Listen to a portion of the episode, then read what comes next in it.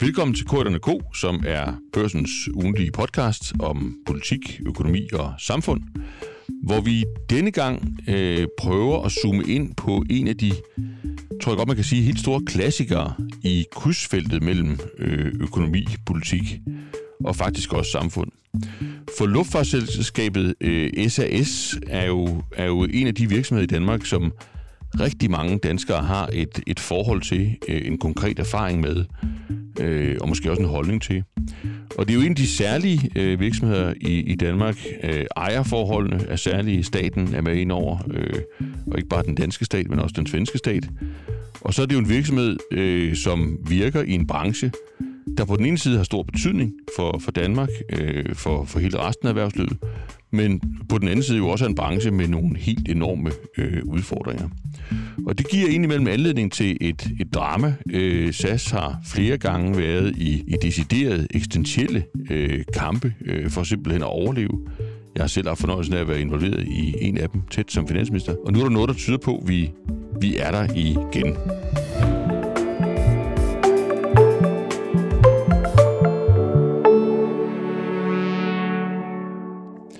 Og det er der brug for at, at forstå øh, også detaljerne i, og til det formål, jamen så har jeg besøg af den bedste, jeg kunne forestille mig øh, til den opgave, nemlig min, min kollega, vores journalist her på børsen, Erik Eisenberg, som følger luftfartsbranchen og SAS meget tæt. Velkommen til dig, Erik. Tak skal du have. Og, og kunne vi ikke lige prøve, og, altså du har zoomet meget ind på, på problemstillingen her for, for ganske nylig, de seneste dage, men du har sådan set fulgt den, den, den længe. Så kunne du ikke lige prøve at starte med at, at, at bare give os sådan et, øh, et trafiklys på SAS? Altså, den, den, øh, den krise, selskabet nu er i, hvor alvorligt er det øh, i, i forhold til, til sådan en, en, en almindelig øh, situation, med, hvor, der, hvor der er udfordringer for et almindeligt luftfartsselskab? Er det en egentlig sådan overlevelseskrise, vi er i? Altså, SAS lige nu er i en dramatisk kæmpe krise.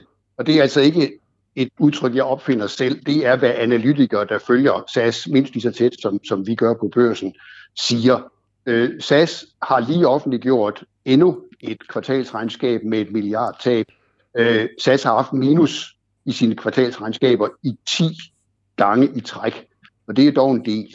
Øh, det er så, hvad det er. Men SAS har så også offentliggjort, at de for at overleve har brug for et nyt kapitaltilskud på 9,5 milliarder svenske kroner. Det er sådan i rundetal 6,7 milliarder danske.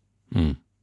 Og oven i det har SAS også brug for, at gæld i størrelsesorden 20 milliarder, som typisk er, det kan være flere forskellige slags gæld, men typisk er det gæld udstedt som obligationer, hvor altså nogen altså har købt obligationer, SAS betaler rente på. Øhm, på 20 milliarder svenske kroner skal konverteres til egenkapital. Og det skal man jo så lige huske at sætte i forhold til, at vi skal ikke længere tilbage end i den første del af coronaperioden, altså i efteråret 2020.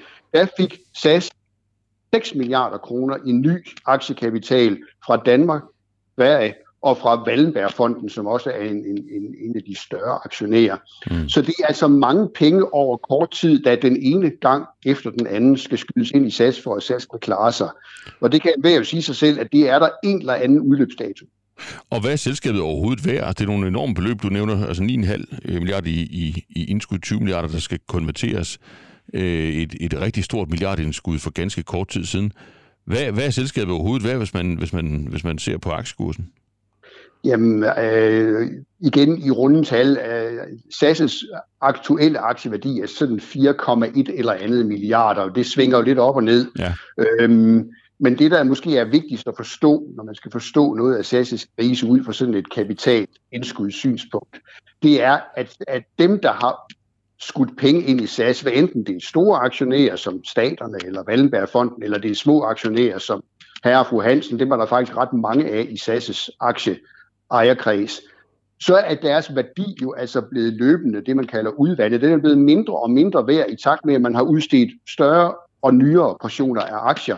Så øh, uanset næsten hvordan man anskuer det, så har det været en, en svært dårlig forretning at investere sine penge i SAS. Ja, og, og hvis man så overhovedet skal have nogen som helst chance for at tiltrække de her mange nye øh, milliarder, som man har brug for, for at kunne køre videre, så skal man vel have en forretning, som som enten kører rundt, eller som i det mindste har udsigt til at komme til at køre rundt.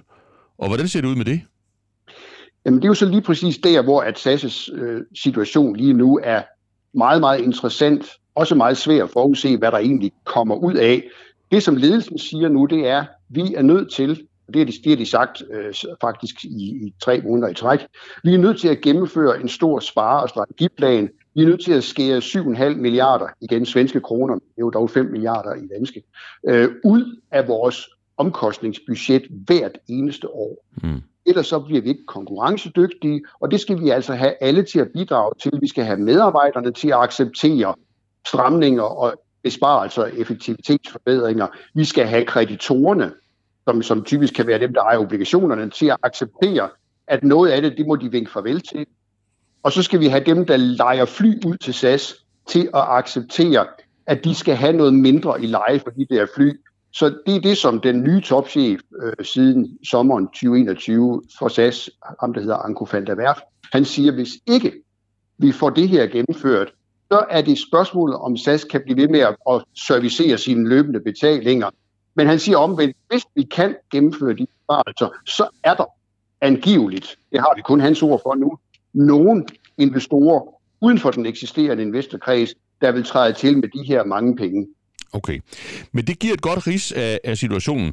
Så lad os lige prøve at træde et, et skridt tilbage. Altså, hvis det nu havde været en anden virksomhed, der var 4 milliarder kroner værd på, på børsen, øh, som havde ligget og haft nogle, nogle meget store øh, problemer, øh, og hvad, så, så havde vi naturligvis dækket det også øh, på børsen. Det er ikke sikkert, det var dig, men så havde det nok været en af dine kolleger. Men, men når det her det er ligesom er sådan en særlig virksomhed, der for alvor er, er hvor, hvor, hvor det her med, om, om de klarer sig eller ikke klarer sig, i virkeligheden betyder noget for, for hele Danmark.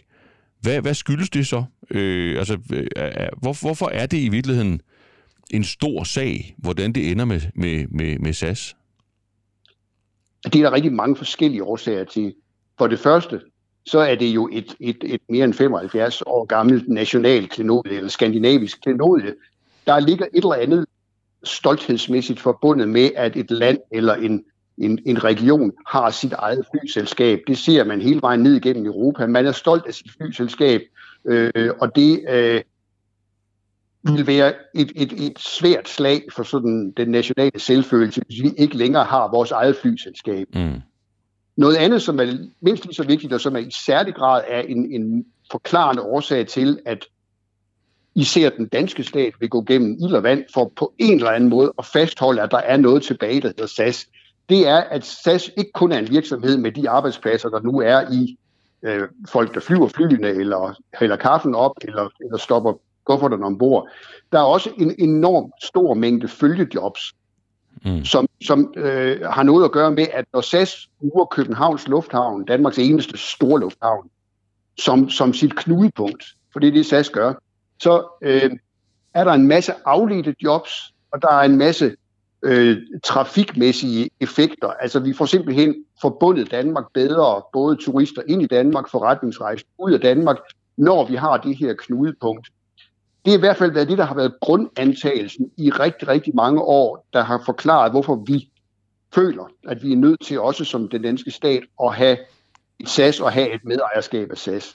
Ja, fordi det, kan, det du beskriver der, kan jeg jo godt genkende. Altså nu sad jeg jo øh, han er så på den anden side af bordet øh, som finansminister, der er man jo helt konkret, så fungerer det på den måde, at de aktier, staten har i SAS, øh, de, det ejerskab, selvfølgelig på vegne af alle skatteyderne, det er sådan set finansministeren, der, der har den opgave. Så jeg har jo, jeg har prøvet at, at, at eje SAS, hvis man kan, hvis man kan se citationstegnen her i, i, i, i et lydmedie.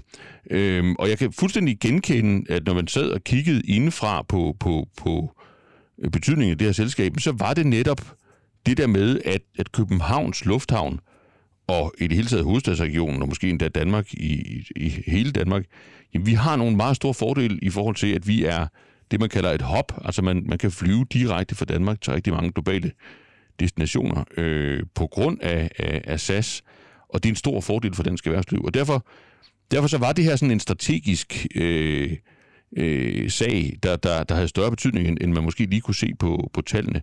Og det, det du siger, det er, at, at den stemning, jamen den gælder uforandret stadigvæk, øh, også her øh, efterhånden mange år efter, at jeg selv havde fornøjelsen af at sidde og kigge på en, en SAS-krise?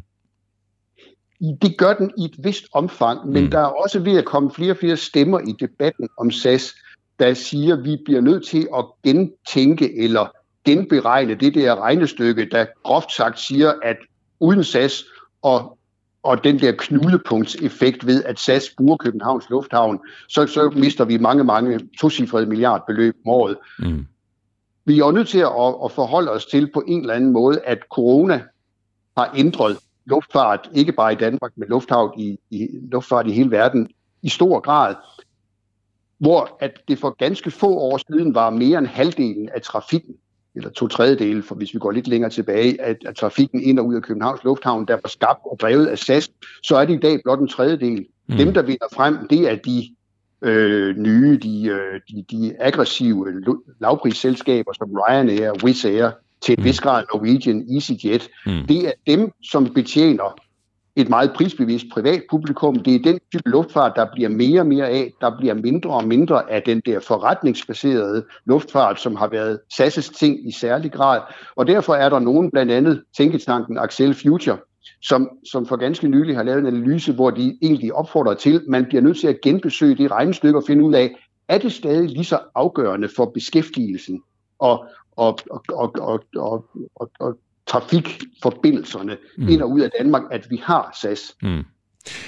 Jeg kan huske en anden ting fra, fra den her krise, og det var, og det er nu for at sige det meget direkte, det var, at, det der med så at løse øh, et problem, der faktisk dengang så næsten lige så alvorligt ud, som det du har beskrevet for os i dag, så var det i virkeligheden øh, det, man kalder for et, et, et game of chicken, altså et, et kyllingeræs på godt dansk, øh, der, der skulle til, og endda et af de helt vilde af slagsen, fordi man forhandlede jo med, øh, ja, øh, dengang flere stater, dengang var den norske stat også med, øh, øh, men jo i, i særlig grad den svenske og den danske stat, øh, og så jo nogle private aktionærer, med et antal øh, banker, og med, med ubegribeligt mange fagforeninger øh, på én gang og i et, en stor øh, pærevælling. Og i, i den forhandling dengang, jamen der var det meget, meget vigtigt, øh, som, som dem, der prøvede at styre tingene, at gøre op med sig selv, at man faktisk var villig til at lade SAS gå konkurs, for at bringe alle de her parter til fornuft og bringe dem til forhandlingsbordet med en, en, reel, øh, en reel vilje til at flytte sig. Oplever du den samme psykologi gør sig gældende den her øh, gang? Altså at man faktisk skal besinde sig øh, for de her statslige ejere på, at, at hvis man ligesom signalerer, at, at, at man til syvende og sidst kommer og redder det hele, så er det umuligt at flytte noget hos de andre parter. Realiteten er i de forhandlinger, der har, der har foregået over de seneste tre måneder om den her redningsplan for SAS, der hedder SAS Forward, men som ikke bevæger sig ret meget fremad, det er netop lige præcis det, at alle de interessenter, der er omkring SAS, som skal medvirke, som skal afgive et eller andet, øh, i hvert fald efter ledelsens plan, de sætter sig med mere eller mindre korslagte arme og siger, vi har egentlig ikke lyst til at medvirke, hvorfor skulle vi det? Staterne kommer jo og redder det her igen. Præcis. Og det er derfor, man skal lægge noget i, at, at den nuværende topledelse, Anko van der Werf i spidsen, har været meget klart ude at sige, det sker altså ikke den her gang. Dels øh, ved vi ikke, om staterne overhovedet vil det der, men mere vigtigt, vi ved, at EU vil modsætte sig sådan en, en fuldstændig det, som, som, som topchef kalder for en state bailout, altså at, at staten betaler kautionen, og så, så, så slipper fangen ud af fængslet. Mm. Det, det, det, må, det, det vil man ikke tillade fra EU i sådan et 100% omfang.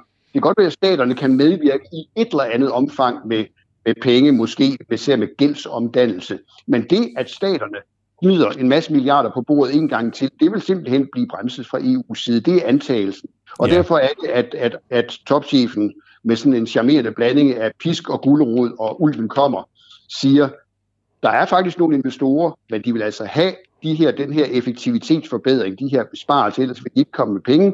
Hvis ikke vi får private investorer til at komme med en masse penge, så øh, kan vi ikke regne med, at der er sådan en automatisk reaktion med, med redning fra staternes side. Så derfor er I nødt til at sluge min plan. Kom nu, for ellers går det galt. Ja, fordi det var det interview, du lavede med ham her for, for, for ganske nylig. Og, og, og der er det jo i høj grad, øh, det virker som om, at det, det er også det spil, han spiller. Og det er i høj grad det her med EU-retten, han, han binder det op på, øh, som, som jeg læser øh, interviewet. Men, men ejerne siger ikke noget indtil videre, eller hvordan? Altså fordi man kan sige, det vil, det vil måske være hjælpsomt, hvis den danske stat eller den svenske stat bakkede ham op øh, og, og gjorde gældende, at, øh, at jo, SAS er vigtigt, jo, vi vil selvfølgelig gøre øh, absolut, hvad vi kan for at holde det flyvende, det er en høj prioritet, men ultimativt så er der et scenarie, hvor det her selskab kan gå konkurs, hvis ikke de stakeholders, som skal holde det flyvende, opfører sig fornuftigt. Men er de helt stille? Offentligt, øh, og i forhold til, til sådan nogen som mig, der jo lever af at spørge folk om det, øh, der, der er de meget stille. Ja. Jeg har spurgt øh, Finansministeriet ganske mange gange, om ikke de dog vil fortælle, hvad de mener og hvor de står, og det siger de, det vil de ikke, fordi SAS er børsnoteret, og af hensyn til de samlede interesser, så har de tænkt sig ikke at sige noget. Mm. Og det må man jo så bare lære at leve med. Jeg er ikke i tvivl om, at der foregår ganske mange dialoger på lukkede døre om, hvem der, hvem der vil gøre hvad, og hvem der ikke vil gøre hvad. Mm. Men, men øh, det er nok sådan, som det vil være i sådan nogle forløb. Jeg er heller ikke i tvivl om, at der, selvom der formelt set foregår, efter hvad vi får at vide nu, øh, visse forhandlinger mellem ledelsen og medarbejderen, så er jeg ikke i tvivl om, at der også på det plan foregår en masse øh, skjult diplomati, øh, formodentlig mellem SAS' formand Carsten Dilling og metalformanden Claus Jensen, der kommer til at spille en nøglerolle i det her. Hvorfor er metalformanden involveret i det? Altså, det er jo ikke en industriarbejdsplads. Nej, det er også sjovt, øh, og det er en, en, en særskilt øh, kompleksitet i SAS-historien. Det er, at det jo ikke bare er, ligesom man snakker om trepartsforhandlinger, så er det her jo faktisk en trepartskonflikt, på den ene side har du ledelsen. Normalt vil du så på den anden side have en fagforening. Men i den her situation, der har du faktisk flere fagforeninger. Ja, mange endda, øh, ikke? Jo, du har mange personalegrupper. Ja. Men under SAS, jeg tror, du har mere end 30 forskellige ja. personalegrupper under SAS. Men, men i den her sammenhæng er det vigtigt at kigge specielt på piloter og kabinepersonale. Der har du to grupperinger. Du har dem, der har haft overenskomster med det gamle SAS. Mm. Og så har du en anden fagforening, der hedder FLU, det er FLU, kort, flyvepersonalets union, som er en, en, en, en FH, altså en, en, en traditionel fagbevægelsesorganisation, de har bare altid organiseret alle mulige andre mhm. virksomheder mm. inden for luftfarten end SAS. De er gået ind og lavet overenskomster med SAS' nye datterselskaber, som mm. hedder Connect og Link, som er en ny konstruktion, SAS har lavet for at få noget mere effektivitet. Og det er de gamle fagforeninger ret vrede over. De synes, at det er sådan et, et, en, en eller anden form for raneri af deres område, og de er sure på både ledelsen og på den her alternative fagforening. De har så meldt sig ind, især piloternes fagforening, der ikke før har været medlem af fagbevægelsens hovedorganisation. Den har de meldt sig ind i for ret nylig. Nu hører både de og kabinepersonalet under dansk metalsparaply. Så det er nogle også interessante interne opgør i, fag, i fagbevægelsen om, hvem skal egentlig organisere det her, hvem har mest ret mm. til at være der, mm. hvem, hvem, hvem opfører sig øh, ordentligt i den her sammenhæng. Mm. Må jeg spørge, Erik, altså når man så prøver at kigge på det og gætte på, hvordan det, det ender, det kunne også være, at man ejede SAS-aktier, eller, eller ligefrem overvejede at købe dem billigt. Øhm, er der sådan et scenarie, hvor man får sådan, hvad, hvad man måske kunne kalde en mudderløsning? Altså hvor, hvor jo, altså det, det er forbudt for staterne øh, efter EU-retten at, at lægge en masse penge på bordet, og, men, men et eller andet forløbigt kan man måske godt gøre. Jeg tror, mange vil måske kigge mod Norge og sige, hvordan var det egentlig, man holdt Norwegian flyvende øh, i, i sin tid? Øh, altså, kan man forestille sig sådan et, et, et scenarie, hvor, hvor man alligevel humper videre øh, med sådan en, en masse delelementer sådan syet sammen i et eller andet, der bliver øh, knap så firkantet, som der måske bliver lagt op til nu?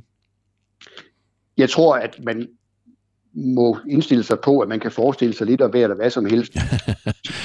Omkring Norwegian, så er det vigtigt at forstå, at Norwegians øh, redning øh, øh, på sæt og vis øh, var meget anderledes end, end, end SAS'. Norwegian er jo fuldstændig privat. Der er ikke mm. en, en krone statspenge i Norwegian, og har aldrig rigtig været det. Nej. Norwegian havde vokset sig meget stor på baggrund af, af lånte penge og lejede fly.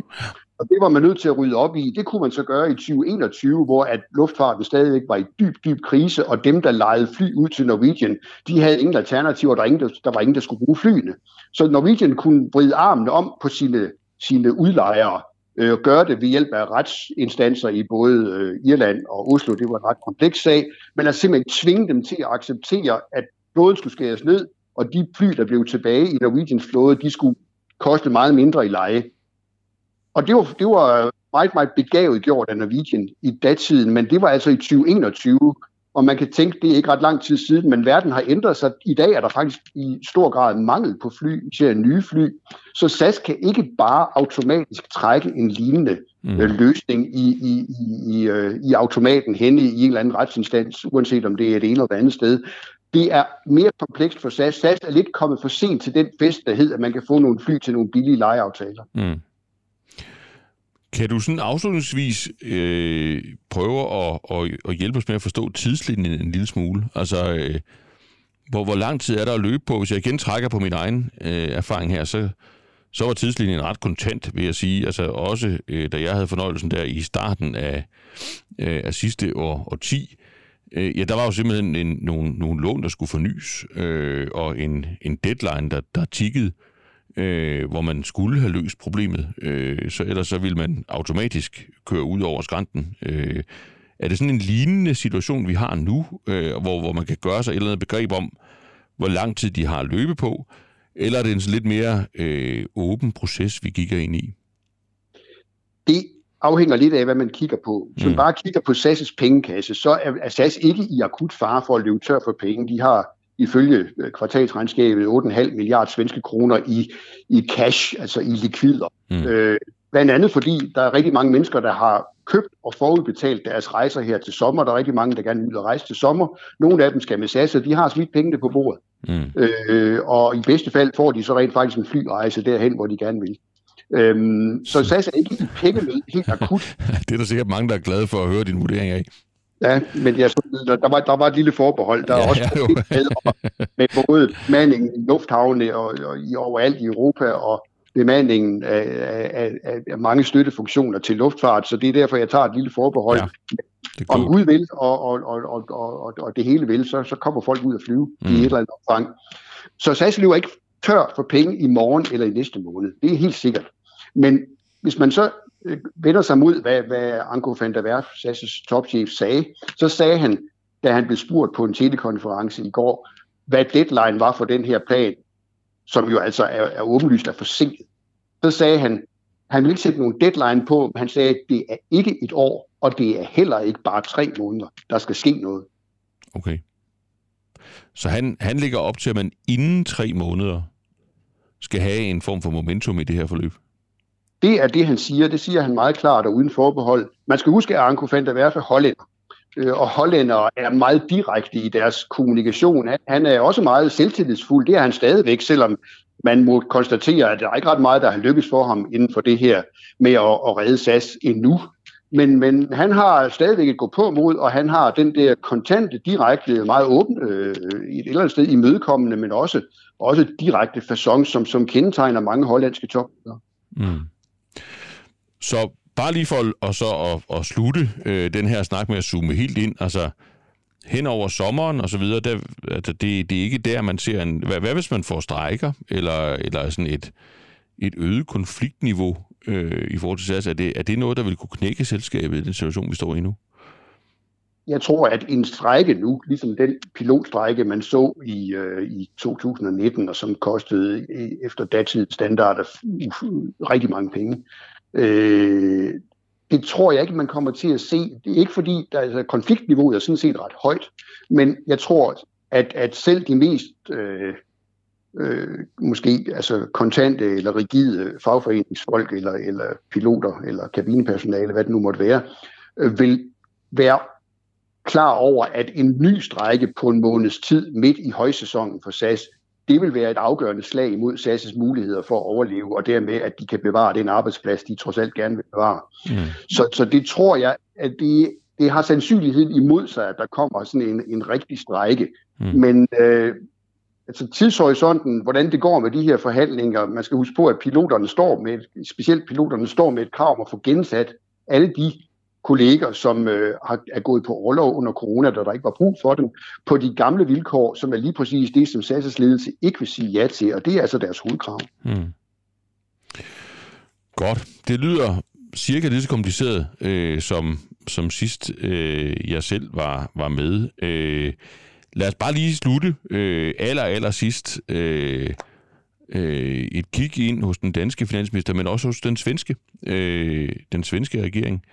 Hvornår tror du, de her to regeringer kommer på, på banen, og er vores, øh, vores svenske broderfolk her, er de, er de samme sted som også i Danmark? Altså at, øh, at de i virkeligheden vil prøve at gå meget, meget, meget langt altså til, til grænsen af EU-retten for at, at redde det her strategisk vigtige selskab? Nej, det er jo nok i virkeligheden omvendt. Jeg tror, at det er en antagelse i hvert fald i, blandt svenske iagtager, at, at, at Sverige i ganske lang tid har ønsket sig lidt det samme, som Norge eksekverede i 2018, nemlig at komme ud af det. Ja. Øh, den svenske regering er ikke, er ikke, altså de har ikke den samme øh, tankegang omkring øh, Øh, mobilitet og arbejdspladser og en knudepunktslufthavn, fordi at Arlanda er jo ikke SAS' knudepunktslufthavn oppe i Stockholm. Så, så, så øh, i en ideel verden, der havde Sverige nok trukket sig ud for nogle år siden, ligesom Norge, men det er jo bare været svært at trække sig ud af noget, der så åbenlyst har brug for penge. Ja, så i virkeligheden er det her i meget, meget høj grad et dansk problem. Danmark er i hvert fald nok stadigvæk den stat, den, den store hovedaktionær, der har sværest ved at forlige sig med, at, at, at, at SAS i yderste konsekvens skulle forsvinde. Øh, og jeg tror ikke, SAS forsvinder, men, men SAS kan godt ende med at blive et meget anderledes selskab på, øh, med, med en meget anderledes sådan, både ejermæssig og, og, og driftsmæssig arkitektur. Og der har vi så et dansk dilemma, hvor man kan sige på den ene side, jamen så er det både realiteten og også noget, man signalerer, at, at at det her det er i virkeligheden vores kerneinteresse mere end nogen som helst andet, der er andre, der er involveret i hele sagen. Og på den anden side, så har man brug for at kunne signalere, at man er villig til at lade selskabet gå, konkurs for at tvinge dem, der, dem, der sidder ved forhandlingsbordet til at flytte sig. Jamen, sådan er det, og, og, og som, som det hedder i en kendt roman, den, der blinker først, er bange for døden. Jamen, det lyder utroligt genkendeligt, og så må vi jo, så må vi jo se, hvor meget blinkeri der er øh, i de mennesker, der har taget opgaven på sig. Øh, efter at jeg selv havde fornøjelsen af at, og komme over i mediebranchen. Tusind tak, Erik Eisenberg, for en tour de force igennem øh, SAS' øh, situation øh, og et af de dramaer, der i øjeblikket udfolder sig i, i dansk erhvervsliv.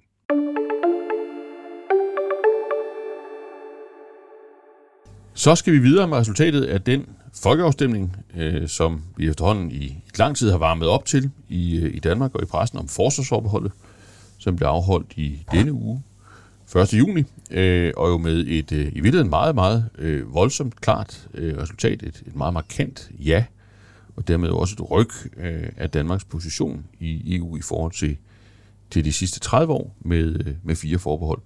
Og til at prøve både at forstå valgresultatet, men i virkeligheden øh, endnu mere at forstå, øh, hvad der så sker bagefter, jamen så er jeg i, i virkelig godt selskab. Jeg har besøg af Louise Witt, vores europakorrespondent, og Helib, vores politiske kommentator. Velkommen til jer to.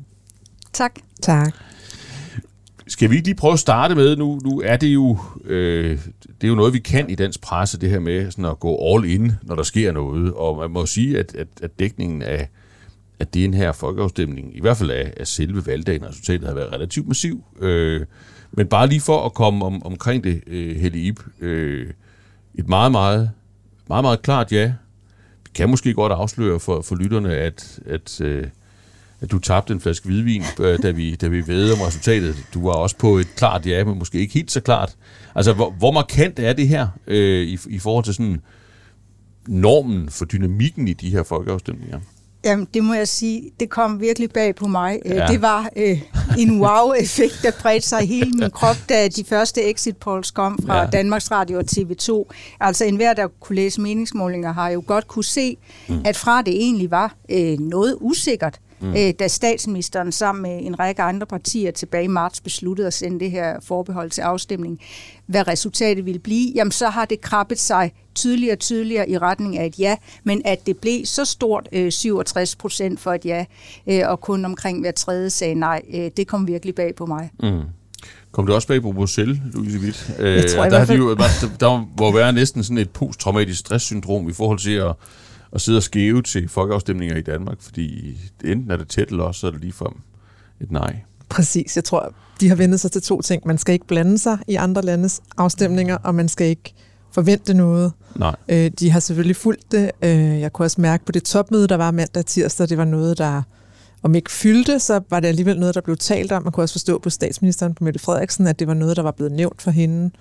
Andre statslederkolleger havde sagt, stats- og regeringsledere havde sagt, held og lykke, og vi hæpper, og sådan noget i den dur, mm. fortalte hun. Så ja.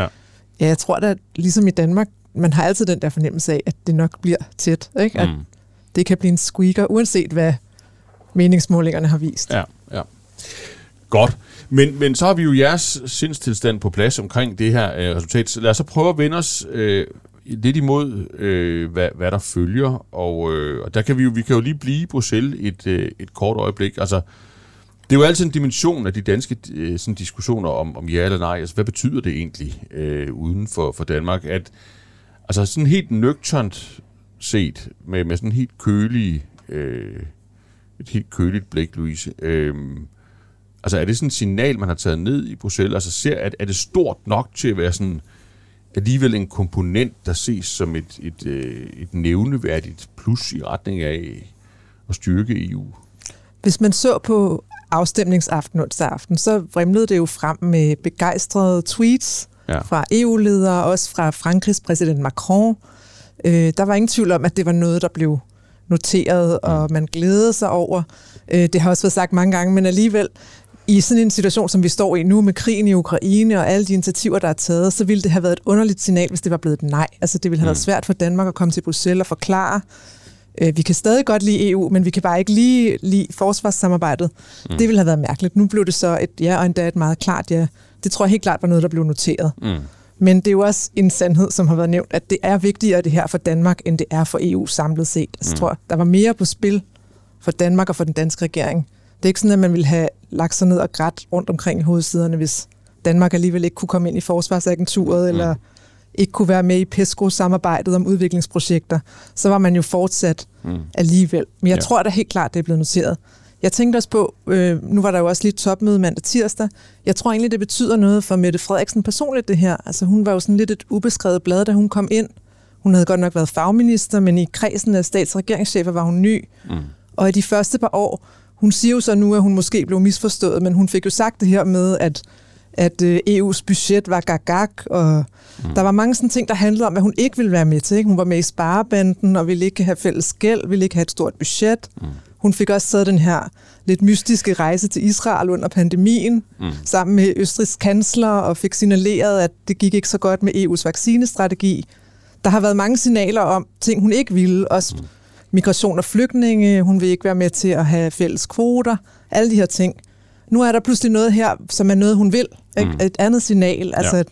Det tror jeg, der er noget, der bliver noteret. Altså, hvis man ikke kan kalde det street credit, så så det har været godt for hendes integrationsproces? Jamen det tror jeg på ja. en eller anden måde. Det er noget, de andre ser på og siger, mm. okay, det var alligevel et resultat, ikke? at mm. hun øh, udskriver den her afstemning, satser på det, og så hiver den hjem på den måde. Det tror jeg, der er noget, de andre ligesom ja giver nogle point for. Ja. Men, men Halib, det er det vel også, i sådan, altså hvis man igen lægger samme kølige blik ned over øh, dansk politik, så må man vel også sige, at mål på den der øh, skala, som jeg er sikker på, at du har i baghovedet på, altså hvornår statsminister, hvornår regeringer egentlig udretter noget af, af sådan varig betydning. Altså hvor man kan sige, hvor det ikke bare er et, et, et spil, men hvor man kan sige, at det her det, det, det betyder noget for landet, det bliver stående i lang tid. Så er vi vel oppe i den skala i forhold til at fjerne forbehold. Det synes jeg helt bestemt, vi er. Altså, det vil gå over i historien som en milepæl. Mm. Også selvom det jo ikke er sådan her og nu, at det kommer til fuldstændig at forandre fokus i dansk udenrigspolitik eller dansk forsvarspolitik.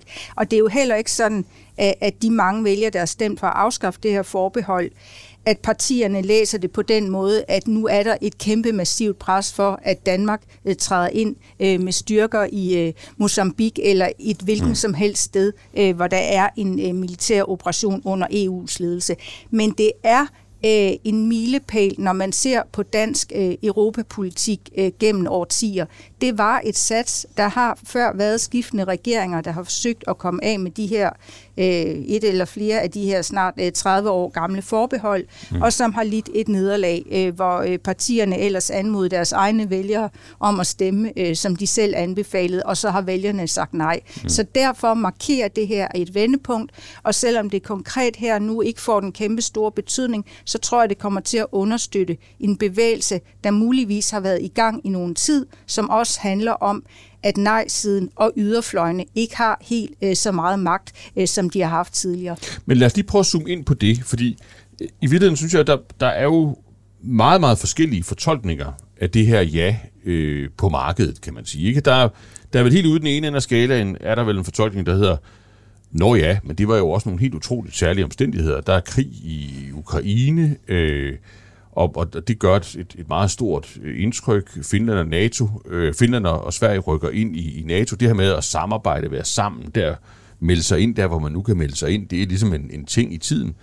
Øh, men det betyder ikke nødvendigvis noget for, hvordan dan, danskerne øh, i det hele taget har det med, med EU, og det betyder heller ikke noget for, hvordan sådan Christiansborg vil fungere i forhold til EU. Og så ude helt ude i den anden ende af skalaen, der er der vel dem, der siger, jamen vi er, vi er faktisk på vej mod sådan en slags normalisering øh, dansk europapolitik. Det her sådan lidt, den her danske nej-kultur, det her med, at, at vi ligesom er, er helt særlige og skal vi er sådan en, en, en, en undtagelse fra verden, jamen det er måske på vej mod en, en afvikling. Hvor er I to henne på den skala, øh, hvis I sådan skal, skal gætte lidt? Jeg synes, det er svært at sætte øh, en, et, en præcis pil her, fordi jeg må sige, at jeg kan sagtens øh, følge øh, begge udlægninger. Mm. Øh, jeg vil så sige, jeg synes, det er et fuldstændig øh, legitimt øh, synspunkt at sige, at det kan godt være, at forsvarsforbeholdet ikke har øh, sindssygt stor betydning her og nu, og heller ikke har haft vanvittig stor historisk betydning, men at når øh, hele verden sådan set, og ikke mindst øh, Europa og Skandinavien har måttet reagere øh, på det, der sker, øh, Ruslands invasion i Ukraine, at Danmark så øh, en række øh, politikere taler om, at nu er fribilletternes tid øh, slut. Nu skal vi vise et kraftfuldt mm. modsvar, at vi vil have hånden på kogepladen, at vi vil tage fuldzonet ansvar.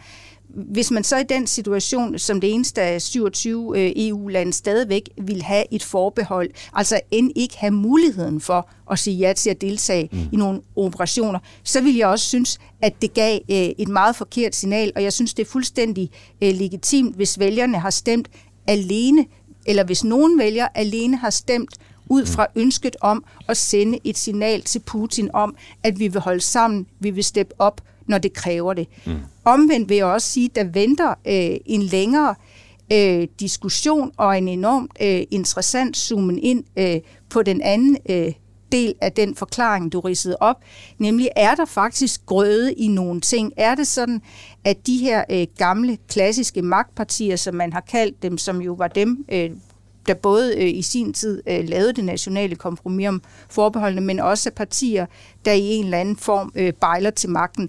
Er der en større forståelse mellem dem om, at det kan ikke nytte noget af de perioder, hvor øh, skeptiske øh, Øh, ryster øh, fyre hen over de europæiske lande, at man så bare giver efter og måske endda begynder at tale øh, en EU-skepsis op, øh, frem for at zoome ind på nødvendigheden af et engagement og nogle alliancer. Og der vil der vente øh, nogle interessante diskussioner forud, og det er selvfølgelig især øh, for Rød Bloks vedkommende, hvordan man håndterer enhedslisten, og for de blås vedkommende, øh, hvad med Dansk Folkeparti. Og der synes jeg, man ser nogle meget spændende perspektiver i det her valgresultat, og også når man zoomer ind på, hvordan øh, henholdsvis enhedslisten og øh, Dansk Folkepartis egne vælgere rent faktisk har stemt. Det er der jo blevet lavet analyser af mm. allerede nu. Ja, så det, det synes jeg er et enormt interessant perspektiv. Lad os lige vende tilbage til det, men lad os lige høre, Louise Witt, hvor, hvor, hvor ligger du hen på, på samme skala? Jeg er også på det gode svar, både og. Altså, Jamen, det er godt. Jeg tror, ja, det er fremragende. Vi har det er to set, meget erfarne analytikere, vi har.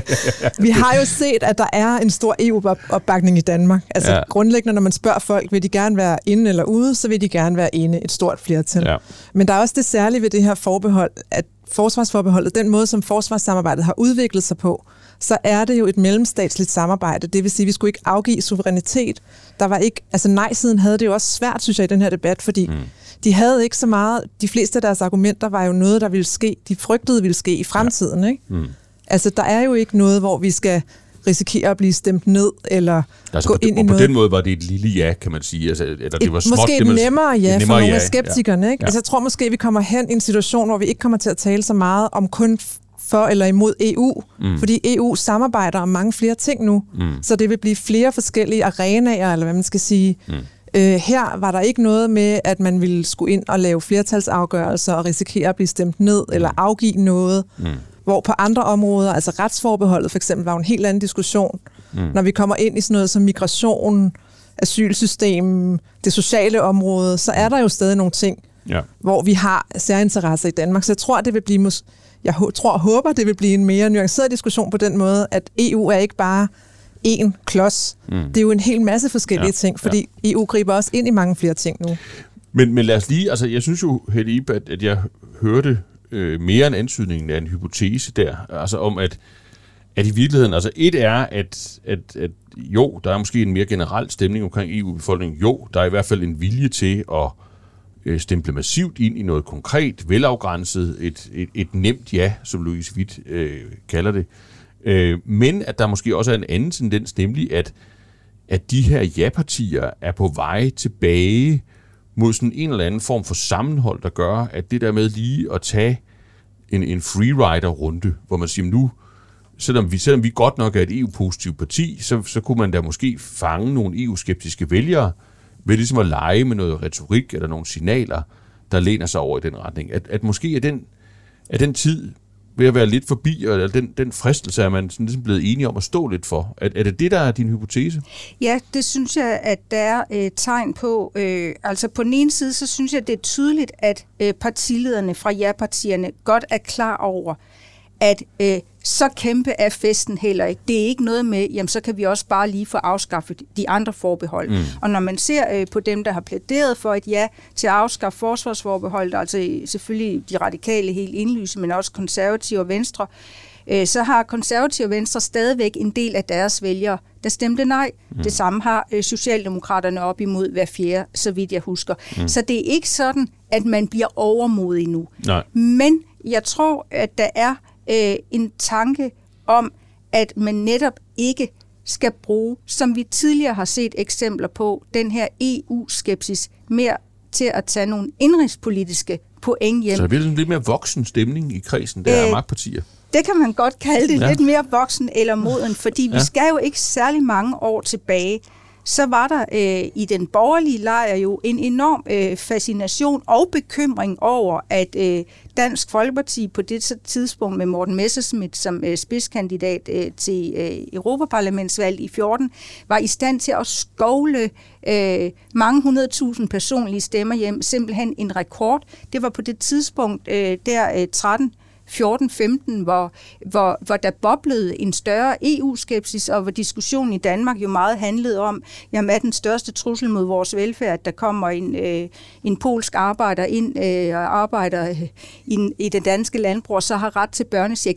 Det var jo noget, øh, de borgerlige, øh, konservative og venstre brugte big time mm. øh, øh, til at genere øh, de mere... Øh, hvad skal man sige, øh, glødende EU-tilhænger med på det tidspunkt, og det blev nærmest sådan enormt definerende, øh, og i valgkampen i 2015, jamen, jamen der oplevede jo, vi jo øh, Venstre gå sammen med øh, både de konservative, men også øh, Liberale Alliance og Dansk Folkeparti om at lave sådan en fælles blå EU-aftale om at hegne de her velfærdsydelser ind. Mm.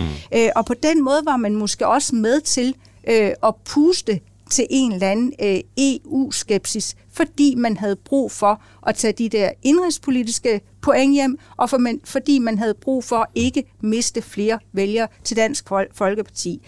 Og i den seneste valgperiode, øh, der må vi jo bare konstatere, jamen der var det Socialdemokraterne, der, der stod for festen under, under Mette Frederiksens ledelse. Det var jo øh, øh, så sent som i 2018, hvor hun på folkemødet øh, side om side med Dansk Folkeparti's leder Christian Thulesen Dahl øh, stadigvæk var øh, på den der sådan øh, lidt øh, sende nogle øh, skeptiske signaler og, og simpelthen slog fast, at de danske forbehold, det er selve grundlaget for dansk EU-politik.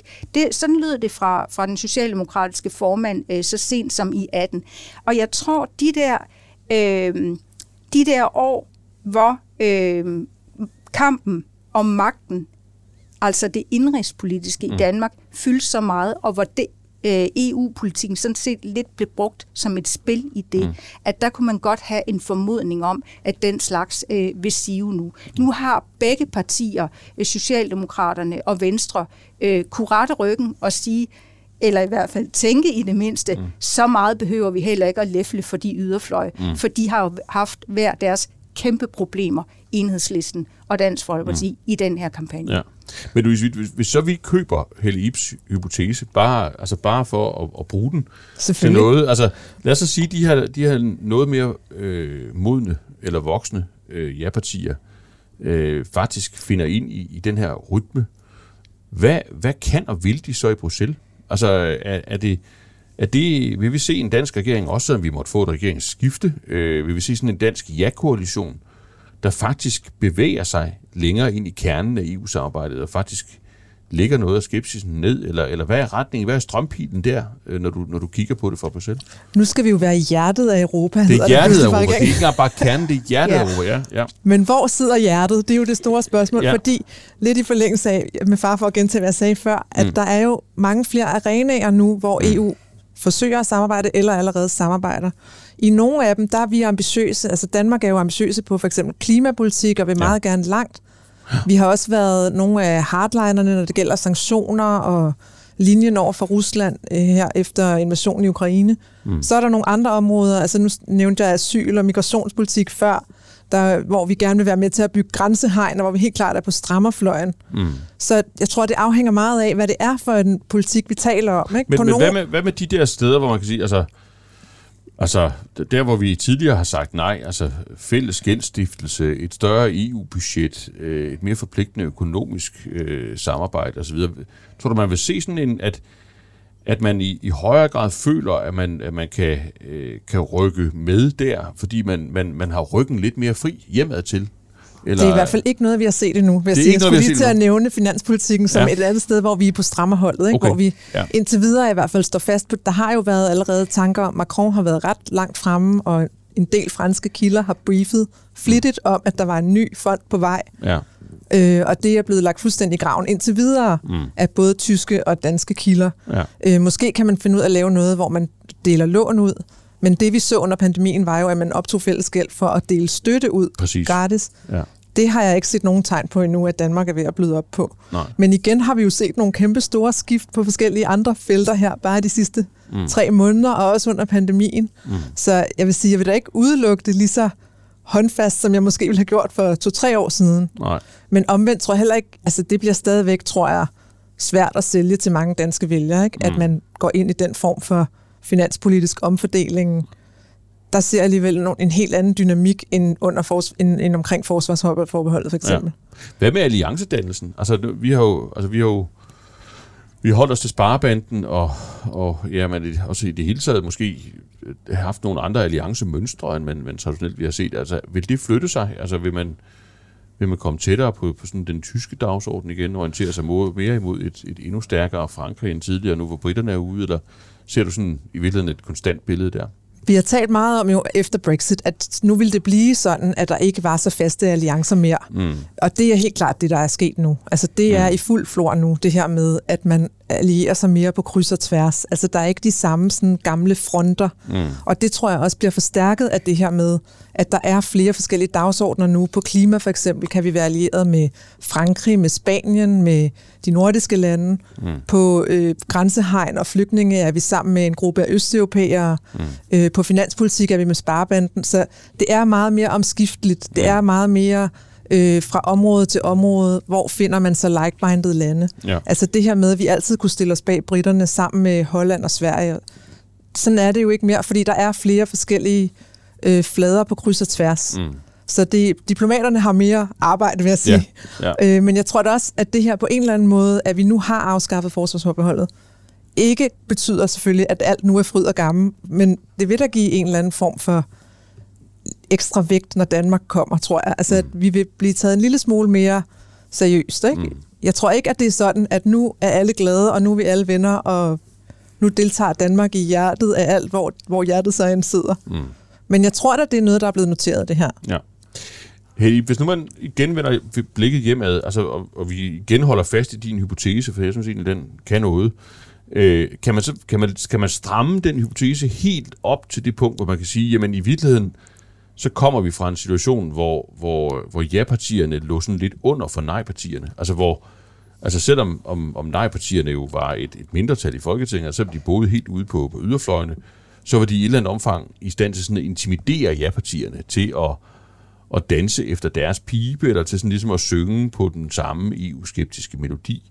Ser vi så i virkeligheden sådan en, en, en tendens til, at det vender, sådan at, at, at det er enhedslisten, der, bliver, der vil blive pisket rundt i manesien de næste mange år og blive, blive udstillet, fordi de ikke kan, kan give klare svar på, om de vil være ude eller inde, eller op eller nede, og, og måske ligefrem noget tilsvarende til højre, eller, eller skal vi snart forestille os, at, at, at der sker et endnu større polbytte, hvor man kan sige, at der bliver egentlig relativt relativ ro og orden til venstre for midten, fordi enhedslisten ligger, ligger noget under for, for jaget, men, men at det, det er så omvendt på den anden side af stregen, at det er på højre side, at man får den EU-skeptiske ballade, øh, hvor, hvor det jo tidligere var på venstre side, øh, i virkeligheden, hvis man kigger sådan 10-20 år tilbage. Hvordan ser du de dynamikker i sådan det rent indrigspolitiske spil? Det er jo i hvert fald tydeligt, at øh, enhedslisten, som jo har repræsenteret nej-siden fra venstrefløjen, mm. har, har det svært, og har sådan set haft det svært øh, siden øh, Ruslands indtog. Først kunne de ikke rigtig finde ud af, at det Putin eller NATO eller USA, man skal skælde ud på. Så må de øh, øh, gennemføre et årsmøde, hvor de jo faktisk vedtog nogle nye formuleringer om, at okay, det er stadigvæk princippet, man skal ud ja, af, ja. Hvor, af de hvor her... Hvor man mener alting på en gang. Ja, ja. Øh, men det, man arbejder ikke aktuelt for at komme Nej. ud af EU. Nu vil man påvirke det indenfra. Det er klart, øh, det parti vil jo stadigvæk protestere, øh, men står jo øh, temmelig alene på venstrefløjen. Anden EU-modstand fra venstrefløjen i form af junibevægelsen og folkebevægelsen mod EU. Altså det er som om, øh, at, at det simpelthen er skrumpet ind venstrefløjs øh, protestbevægelsen, som jo havde mere liv og kraft øh, tidligere. Øh, og man kan jo også se øh, her ved afstemningen, at øh, faktisk øh, omkring 4 ud af 10 øh, af enhedslistens vælgere øh, mm. valgte faktisk at stemme for mm. en afskaffelse. Egentlig et meget markant salg, synes jeg, det er TV2 og Megafon, øh, der har gravet i det øh, efter valgresultatet og set på, på stemmerne. Så øh, jo, Enhedslisten vil fortsat protestere også i forbindelse med konkrete tiltag, øh, flere penge til forsvaret, som SF jo er med i øh, hele det nationale kompromis, og omkring udvalgte øh, operationer, mm. øh, Danmark øh, eller Folketinget kommer til at tage stilling til.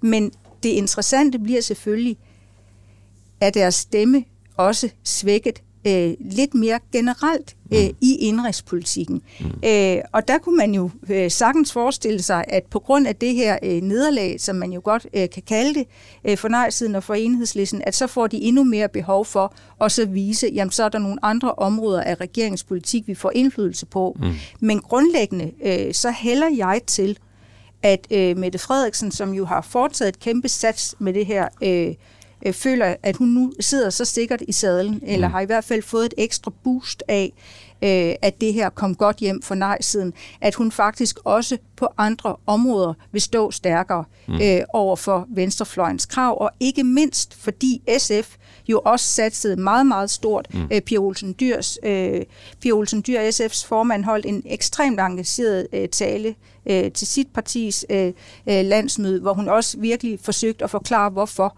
det var nødvendigt at tage ansvar her, og hvorfor det også er nødvendigt at bruge 18 milliarder mere mm. øh, i det nationale kompromis øh, på forsvarsområdet.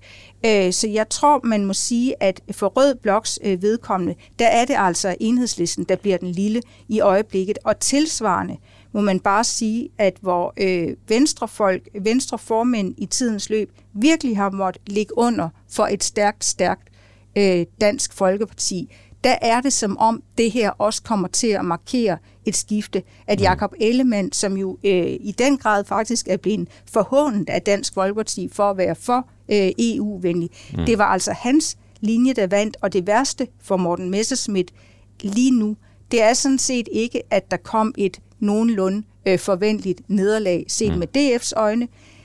Det værste for ham er, at der, hvor han jo virkelig kunne shine, der, hvor han har øh, sin kæmpe indsigt, baggrund, detaljviden øh, og ofte også, synes jeg, retorisk overlegenhed, det har Dansk Folkeparti ikke rigtig fået noget ud af i de generelle målinger. Mm. Partiet står til omkring 4% i målingerne. Det er en halvering i forhold til valgresultatet som sidste gang. En som også var en halvering, og ja. dengang blev kaldt helt forfærdeligt katastrofalt. Mm. Så det er sådan set ikke så meget EU-politikken i sig selv, men mere det forhold, at det understreger, mm at der er nogle svækkede yderfløj i dansk politik i øjeblikket, som er øh, enhedslisten og DF's problemer. Mm. Jeg tror også, man må sige, hvis man kigger ud over Europa, så er det jo lidt det samme billede. Altså, der er sket nogle vilde ting i verden de sidste mm. to-tre år. Først pandemien, og så den her krig.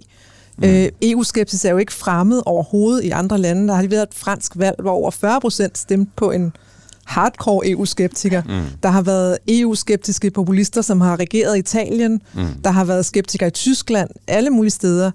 Øh, men man ser generelt, synes jeg, en, en, en tendens til, at, at den der fornemmelse af, at vi er ikke god, stærke nok alene. Altså, vi er nødt til at mm. stå sammen, både omkring pandemien og øh, alt det, der er sket efter krigen her omkring energiomstilling ja. og forsvar osv. Altså, den der fornemmelse af en nødvendighed, at mm vi er nødt til at samarbejde. Der er, der er nogle ting her, som vi ikke kan løse alene land for mm. land. Så noget vil vel også afhænge af, hvor længe bliver det ved? Altså, hvor mange flere vilde ting sker der de næste ja. par år? Eller bliver der sådan en normalisering, hvor man igen kan begynde at, at mere sådan detaildiskutere, øh, hvordan EU agerer på det ene og det andet område, og var det her nu rigtigt eller forkert, og mm. var det godt, at vi åbnede for, at man skulle kunne kalde gas for en grøn investering, og alle de her sådan mindre, mm. men som nogle gange giver skeptikere mere vind i sejlene, ikke? Altså, mm. hvor man kan komme ind og anfægte den måde, EU agerer i en eller anden konkret sag, eller en politik, der er ført, eller spild af penge, eller øh, korruption og sådan nogle ting, ikke? Mm. som jo stadigvæk er vigtige, men som blegner lidt lige nu i det her øh, ja, ved, ved, i den de her store ting. verdenspolitiske krise, ja, vi står ja, midt i. Ja. Men lad os lige, det, det, er, det er et godt anslag til øh, den, den aller sidste runde, fordi jeg vil lige spørge jer, altså nu, altså vi havde fire forbehold, og det ene af dem betyder ikke noget. Det handler om unionsborgerskabet, så reelt har vi hele tiden kun haft tre. Og dem har vi så prøvet at afskaffe ved folkeafstemninger. Det er gået galt med, med retsforbeholdet, det er gået galt med, med euroen. Men det gik godt med forsvarsforbeholdet. Og jeg er helt med på, som du siger, Helle Ip, at den, det helt, øh, det helt øh, klare signal for, for dem, der bestemmer, det er, at rolig nu, øh, selvom øh, Dagbladet Politikken skriver det i en, en leder, øh, så er det ikke sådan, at vi render ud og sætter de andre ting til afstemning lige med det samme. Det, det er der ikke nogen appetit øh, på eller, eller lyst til, og der er ikke nogen naivitet om, at, at når man kunne det ene, så, så bliver det også super nemt at gøre det, det næste. Så det kan de nok godt glemme på, på, på politikken. Men, men men jeg kunne godt tænke jer at få jeres vurdering sådan på det lidt længere sigt, altså for eksempel næste valgperiode. Øh, hvordan skal vi så forstå det her? Altså, var forsvarsforbeholdet, var det sådan ligesom, var det et dværgforbehold i forhold til de to andre, øh, som virkelig er bjergetapper? Altså, hvor man kan sige, at det, det er bare et helt andet ballgame at få danskerne til at sige ja til en, en, en fælles rets- og, og også udlændingepolitik, øh, og, og, og, og på den ene side og på den anden side skifte kronen ud med, med en euro, måske hæfte for, for sydeuropæisk gæld, eller i hvert fald en debat om at hæfte for sydeuropæisk gæld osv. osv. Hvordan ser I det? Altså er det, er det, sådan et, er det alligevel en, en slags tilløb til, at man faktisk godt vil kunne køre de bjergetapper, eller måske have appetit på at prøve hen over den næste valgperiode? Eller er vi bare en helt anden skala? Jeg tror, jeg er en du, helt anden du... skala. Det må jeg altså sige. Jeg vil blive ekstremt overrasket, ja. øh, uanset hvem der vinder det kommende folketingsvalg. Hvis den kommende statsminister så vil sende øh, øh, euroen eller retsforbehold til afstemning. Altså, jeg har simpelthen helt ekstremt øh, svært ved at se det ja. for mig. For det er et helt andet gear, man skal træde. Det er et fuldstændig andet gear, og man må sige, at øh, med forsvarsforbehold, der havde nej-siden jo ikke særlig stor held med, og det er jo så øh, især øh, højrefløjen med at trænge igennem med, hvor mange ulykker der ville ske, at vi ville afgive suverænitet, at vi ville blive tvunget ud i alt muligt. Altså det var jo nogle skrækscenarier, som sådan set øh, blev dementeret øh, både fra eksperthold øh, og fra øh, ja-partiernes side. Mm. Hvis vi tager Øh, og, og det, der så mere stod tilbage, som jeg tror har været, været styrende for flertal, jamen det er simpelthen det der mere værdimæssige signal, som Mette mm. Frederiksen også lagde ud med, at øh, det kræver, tiden kræver, vi tager ansvar og rykker sammen. Mm. Øh, så det har været mere øh, ukontroversielt egentlig, og har haft mindre konkret betydning, mm. end de to andre forbehold ville have. Jeg tror på ingen måde, at øh, de her vil blive sendt til afstemning i næste periode. Øh, og en af grundene er jo blandt andet, at øh, Mette Frederiksens, øh, et af hendes, øh, hvad skal man sige, mest markante budskaber øh, fra Socialdemokraterne under sidste valgkamp, det var jo øh, at få lavet øh, et asylbehandlingssted øh, uden for EU. Mm. Øh, altså gå fuldstændig solo. Vi ved, der er planer, øh, intense drøftelser med Rwanda om Måske at lave... en skuffeaftale. Ja, øh, mm. en, bilateral, øh, en bilateral aftale, som hvis øh, den bliver effektueret i den form, Socialdemokraterne har tænkt sig, fuldstændig fundamentalt vil gøre op øh, med den måde, øh, man håndterer asylbehandling på. Det skal simpelthen være slut med, at der er nogen, der er spontant banker på Danmarks dør. De skal i stedet øh, langt, langt hovedparten, i hvert fald ifølge planen, øh, sendes øh, til for eksempel Rwanda i stedet for. Og der har jo allerede været, en række protester øh, fra EU-hold. Øh, altså et er, at vi i forvejen har et forbehold, mm. øh, som gør, at øh, vi måske øh, skubber øh, ansvaret øh, til andre EU-lande for håndtering øh, i de her flygtningespørgsmål, fordeling osv. Men hvis vi endda og der må man bare sige, der er jo allerede flertal i Folketinget, der har vedtaget Lex Rwanda mm. i den forstand, at, at der er lovgivningsmæssigt skabt grundlag for, at det her kan blive et nyt asylsystem. Øh, hvis sådan noget bliver gennemført, øh, altså så, så synes jeg, øh, det vil virke øh, nærmest helt selvmodsigende, hvis flokken af ja-partier øh, så vil øh, pludselig forsøge at overbevise om, nu skal vi også helt ind mm. i hjernen eller kernen af, hvordan EU øh, håndterer øh, flygtninge, udlændinge og retspolitik. Okay, ind i hjernen. Øh, men Louise Witt, det, det er, er, enig. Jeg tror, er, er du skal, samme sted? Der skal ske et eller andet. Der skal være en ny stor begivenhed. Der skal være en anledning. Nu har man jo prøvet en gang hver med de to andre, altså med ja. euroen og med retsforbeholdet, og det gik ikke. Nej. Så jeg tror, at der skal være, der skal komme en begivenhed, en hændelse, der gør, at situationen pludselig er fuldstændig forandret i forhold til, hvordan vi står nu. Ja. For at det ikke overhovedet kan komme på tale. Jeg Ellers, tror ikke, som det er jeg fuldstændig enig i. Ellers vil man ikke prøve at køre det udbrud i mål. Nej. Men til gengæld kan man så sige, at på den meget lange bane, der er der jo selvfølgelig nogle muligheder for os generelt at rykke endnu længere ind øh, i noget, der handler om internationale alliancer, kernen øh, øgede prioriteringer udgifter, NATO, EU osv. Mm. Og hvor man bare må sige, hvis den her øh, afstemning om forsvarsforbehold var endt med et klart nej fra danskernes side, så ville det i hvert fald have gjort det ydermere svært øh, mm. for fremtidige regeringer og ja-partier at overveje endnu en gang øh, og anmode danskerne om at, at tage lidt mere internationalt ansvar. Mange tak for en, øh, en nuanceret diagnose, synes jeg. Øh, både af, øh, hvordan det ser ud på, på udebanen, men i, i meget høj grad også på, på hjemmebane og i sådan de, de afledte konsekvenser for, for dansk politik. Tusind tak, Halle og Louise Witt. Selv tak. Selv tak.